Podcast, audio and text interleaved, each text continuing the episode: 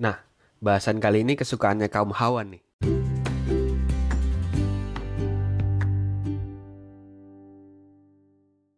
Ya nggak cuman buat perempuan aja sih. Ini bisa jadi penting juga buat para laki-laki. Apalagi buat teman-teman yang sudah menikah. Oh iya, saya belum ngucapin salam. Assalamualaikum, halo teman-teman. Kita ketemu lagi di Belajar Bareng Finance. Minggu lalu nggak update karena nggak ketemu topik apa yang pas buat diomongin. Mau bahas stock split tapi bank yang itu baru mau stock split di Oktober. Kecepetan kalau dibahas sekarang. Nah, ya udah, kemarin tiba-tiba kepikir, kenapa kita nggak bahas investasi perhiasan aja? Seru juga kayaknya. Apalagi Senin kemarin kan mulai dicoba tuh sekolah tatap muka juga. Loh, apa hubungannya perhiasan sama sekolah tatap muka? Kayak nggak nyambung. Tapi sebetulnya nyambung tau.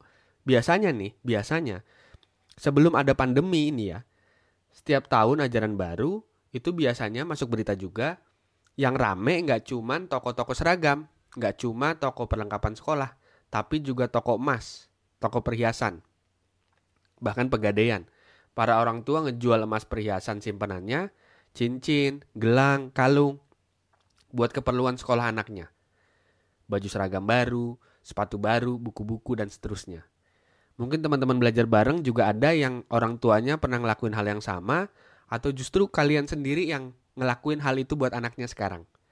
Pertanyaannya adalah, layakkah perhiasan dijadikan sebagai instrumen investasi kita? Jadi bagian dari portofolio investasi kita, gitu ya.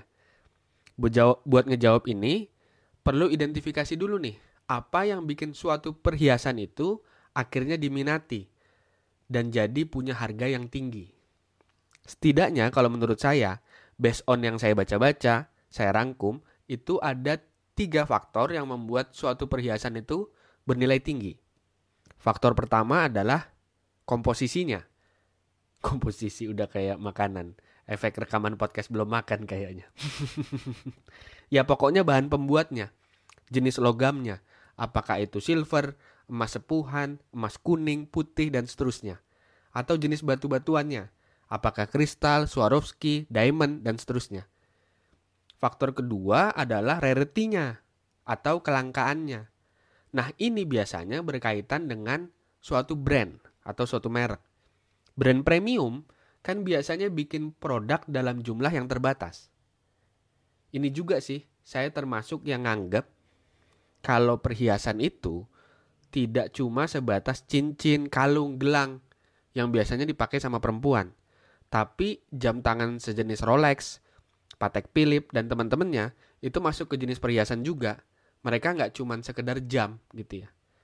Oke, kita lanjut ke faktor yang ketiga atau bisa dibilang jadi faktor yang paling utama.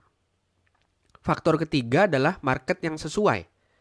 Karena percuma, barangnya langka, bahan pembentuknya kualitas premium. Kalau kita jual ke market yang salah, ya jadi salah gitu. Jual Rolex nih ke tukang barang bekas yang gerobakan itu belum tentu mereka mau bayarin di atas 100 ribu loh. Karena mereka memang bukan market yang pas.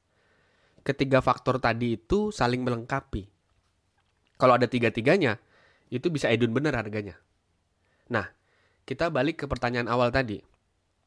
Layak nggak sih perhiasan kita jadiin investasi? Dari faktor pertama yang tadi kita bahas, soal komposisinya. Kita ambil contoh emas, gitu ya, yang paling umum emas dalam jangka panjang akan kelihatan kenaikan harganya dan cenderung aman. Tidak seroller coaster saham gitu ya. Tapi perlu digaris bawah ini, emas perhiasan itu tidak sama dengan logam mulia. Emas perhiasan tidak ada yang kandungannya murni 99%, 24 karat seperti logam mulia. Karena kalau emasnya 99% atau 24 karat, dia nggak bisa dibentuk jadi cincin, jadi gelang, jadi apalagi kalung. Dia butuh campuran logam lain agar bisa dibentuk. Biasanya kalau cincin itu 18 karat emasnya. Jadi perkembangan harga emas per gram antara yang logam mulia udah pasti beda gitu ya. Sama yang perhiasan. Ada gap harganya. Jadi kalau memang niatnya dari awal investasi mau dijual lagi, Logam mulia pilihan yang lebih bijak ketimbang cincin emas. Nah, faktor kedua soal rarity, soal kelangkaan. Tentu kalau perhiasan yang kita punya itu brand premium tertentu gitu ya, bisa jadi akan worth it. Apalagi kalau ketemu marketnya tadi, perkumpulan sos perkumpulan sosialita misalnya.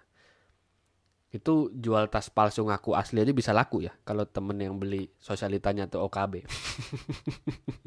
Udah, jangan gosip. Tapi kita bahas yang masyarakat secara umum aja ya. Yang beli perhiasan itu non brand. Di toko emas langganan belinya. Request desain atau model sendiri. Kebanyakan kan gitu ya. Nah, ini susah kalau kita ngomong rarity. Karena kan kadang kita juga modelnya boleh nyontek dari katalog yang branded ya. nah, faktor yang ketiga, soal market tadi. Ini nggak cuman berlaku untuk perhiasan yang brand premium tadi aja ya. Untuk yang beli di toko emas biasa itu juga perlu diperhatiin.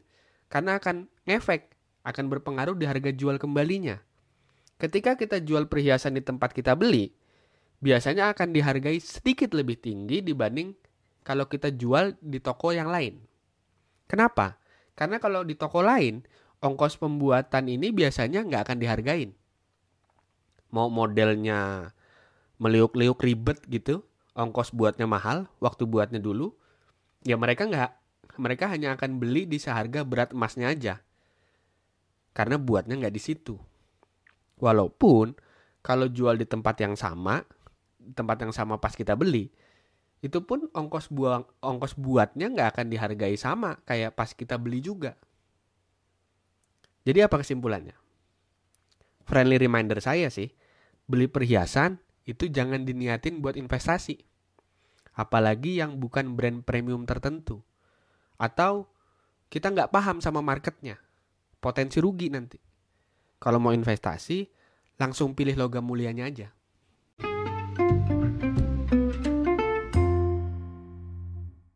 Sekian dulu podcast belajar bareng finance kali ini. Jangan lupa di follow dan di share ya.